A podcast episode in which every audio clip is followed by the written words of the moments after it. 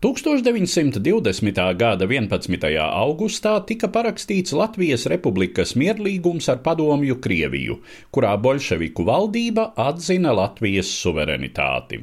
Tomēr valsts pilnvērtīga atzīšana de jure no rietumu lielvalstu puses joprojām palika nesasniegts mērķis. Pirmā pasaules kara izskaņā deklarētais nāciju pašnoteikšanās princips starptautisko attiecību praksē tika lietots visai selektīvi un sevišķi atturīgi attieksmē pret bijušās Krievijas impērijas tautām, cik tālu Krievija tomēr bija kādreizējā Francijas, Lielbritānijas un citu Antantes bloka valstu sabiedrotā. Ja tika atzīta Polija, kam bija senas valstiskuma tradīcijas, un Somija, kas Krievijas impērijā bija faktiski pusneatkarīga autonomija, tad par Baltijas valstīm tika spriests, ka tās ir pārāk mazas, pārāk vājas un neizbēgami ekonomiski piesaistītas Krievijai.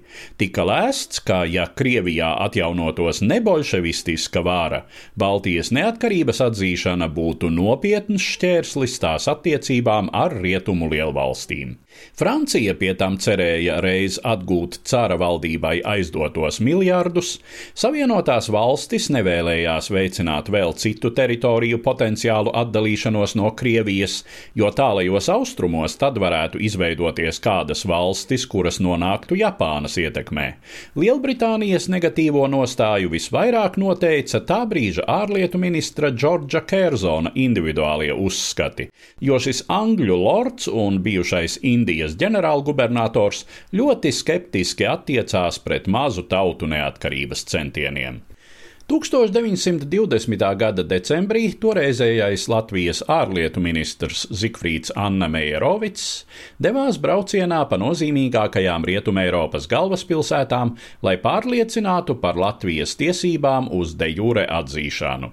Visatsaucīgākā uzņemšana viņu sagaidīja Romā, kur Itālijas ārlietu ministrs Grāfs Karlos Forca izteica savas valdības atbalstu Baltijas atzīšanai un gatavību to inicijēt konkrēt. Itālijai nebija īpašu saikņu ar Krieviju, Toties bija tendence tā brīža starptautiskajā politikā nostāties opozīcijā Francijai un Lielbritānijai.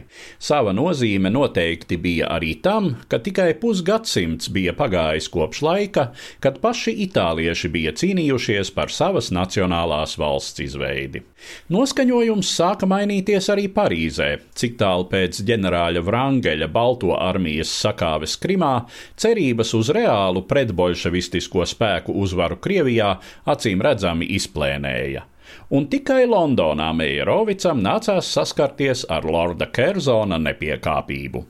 1921. gada 22. janvārī Francijas, Lielbritānijas, Itālijas, Japānas un Beļģijas valdību vadītāji pulcējās uz Antantes augstākās padomes sesiju Parīzē. Dienas kārtībā bija arī Baltijas valstu de jure atzīšana, un vairāk kārt atlikts šis jautājums tika līdz izskatīšanai 26. janvārī. Sēdi vadīja Francijas ministru prezidents un ārlietu ministrs Aristīts Briāns. Pirmais runātājs, Francijas ārlietu ministrijas ģenerālsekretārs Filips Bertelo, izteicās, ka Baltijas valstis būtu atzīstamas, citādi tām varētu draudēt destabilizācija un atkal nonākšana bolševiku varā. Lords Kerzons savukārt pauda savu ierasto nostāju - atzīšana būtu neapdomība un pārsteidzība. Viņam iebilda grāfs Sforca, uzsvērdams, ka Baltijas valstīm ir sava, no Krievijas atšķirīga identitāte.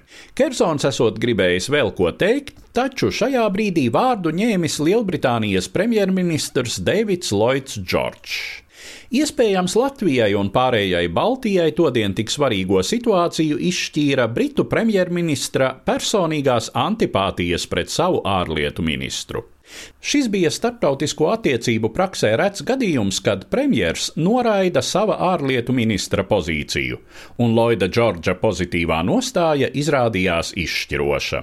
Tā nu 1921. gada 26. janvāra pievakarē Meijerovics no Parīzes varēja telegrafēt uz Rīgu, ka Antantes augstākā padome ir atzinusi Latvijas republiku de jure, stāstīja Eduards Liniņš.